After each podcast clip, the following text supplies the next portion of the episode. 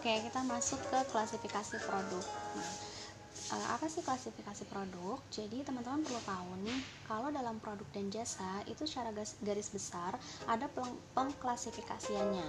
Nah, untuk pengklasifikasiannya ini terbagi menjadi dua kelas ya, dua kelas besar. Yang pertama ada produk konsumen dan yang kedua ada produk industri. Nah, untuk produk konsumen ini maksudnya adalah produk yang diciptakan produsen lalu dibeli oleh konsumen akhir. Ini disebut dengan produk konsumen. Nah, biasanya ini seperti alat-alat rumah tangga, ya kan? Nah, ini termasuk dalam produk konsumen atau misalkan yang berhubungan dengan baju, misalkan pokoknya sandang pangan itu biasanya termasuk dalam produk konsumen gitu. Jadi produk diciptakan nih contoh seperti pasta gigi misalnya oleh sebuah pabrik itu nanti langsung dikirim uh, ke warung-warung misalnya atau ke toko terus dibeli sama si konsumen. Nah, dalam produk konsumen ini nanti terbagi lagi menjadi empat tahap, empat produk ya atau empat jenis produk. Yang kedua, dari selain daripada produk konsumen, ada yang disebut dengan produk industri. Nah, produk industri ini adalah salah segala produk barang yang dibuat melalui proses pembelian bahan mentah atau bahan baku lewat pemrosesan lebih lanjut. Nah, biasanya produk industri ini diciptakan untuk perusahaan-perusahaan atau untuk pabrik-pabrik besar atau istilahnya manufaktur. Jadi yang membuat barang dari bahan mentah sampai barang jadi. Ini disebut dengan produk industri. Untuk produk konsumen, yang pertama e, macamnya ini adalah produk sehari-hari. Nah, seperti yang kakak bilang tadi di awal, contohnya e, seperti pasta gigi, sabun, pokoknya segala macam alat rumah tangga yang diciptakan oleh perusahaan atau sebuah pabrik itu langsung sampai ke tangan konsumen. Disebut dengan produk sehari-hari. Produk konsumen macamnya produk sehari-hari. Nah, produk sehari-hari ini e, berbagai produk barang dan jasa yang pada umumnya sering dibeli oleh para pembeli setiap hari. Jadi dikonsumsinya pun bisa setiap hari. Gitu. Contohnya seperti produk sabun, ya, permen, koran, makanan dan sebagainya itu termasuk dalam produk sehari-hari. Terus ada juga Selain dari produk sehari-hari, ada yang disebut dengan produk shopping atau shopping products. Nah, shopping product ini seperti apa? Kalau misalkan teman-teman pernah ke mall atau sering ke mall, supermarket, ya kan? Nah, itu disebut dengan e, produk shopping gitu. Nah, perlu teman-teman pahami bahwa yang dimaksud dengan produk shopping itu adalah segala produk barang atau jasa ya e, jasa konsumen yang jarang dibeli tiap hari. Jadi nggak nggak setiap hari kita beli biasanya ya kan ada nggak sih orang yang ke mall tiap hari? Mungkin ada ya tapi pada umumnya orang ke mall itu uh, entah satu pekan sekali ya kan? Entah dua minggu sekali atau bahkan sebulan sekali gitu. Contohnya seperti beli apa? Beli baju ya kan? Atau beli apa ya beli handphone misalnya atau beli alat-alat elektronik lainnya itu termasuk dalam produk shopping atau shopping produk gitu.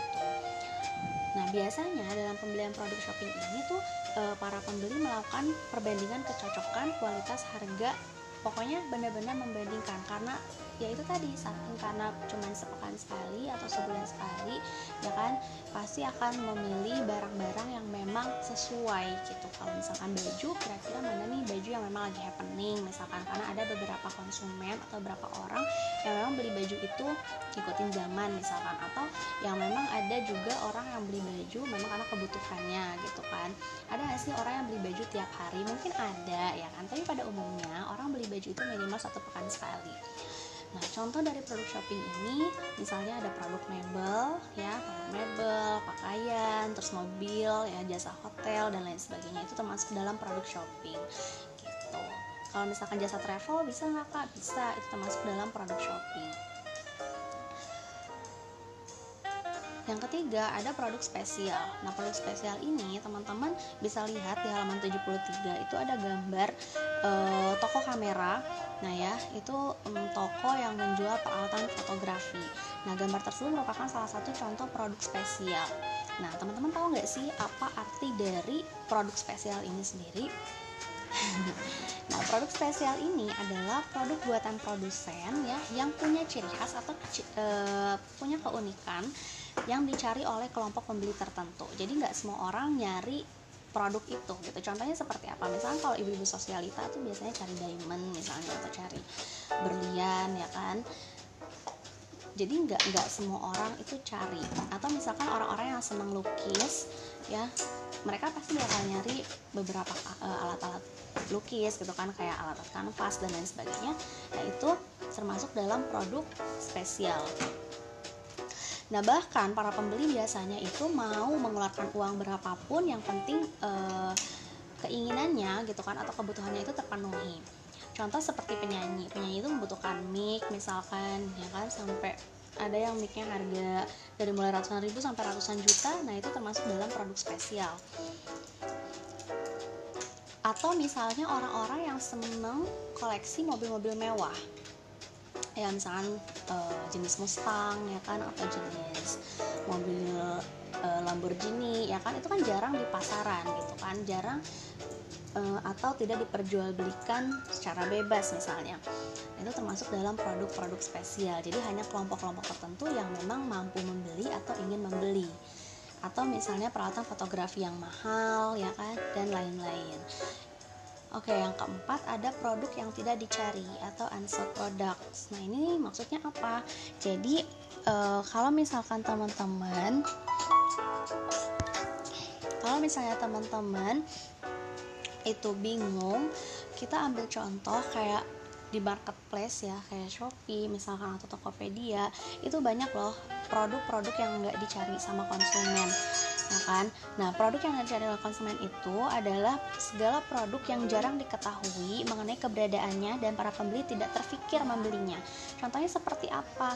Misalnya uh, kayak obat-obat herbal ya kan misalnya atau kayak um, apa alat-alat kesehatan misalnya yang memang orang tuh nggak kepikiran gitu. Misalkan alat e, penyubur rambut gitu kan atau misalnya alat penurun berat badan.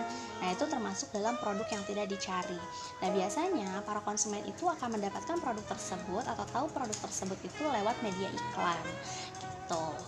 Paham ya perbedaan antara produk sehari-hari produk shopping produk spesial sama produk yang tidak yang tidak dicari gitu terus ada lagi sih kalau kakak ngasih contoh di slide atau di uh, doc di file itu diamond misalnya.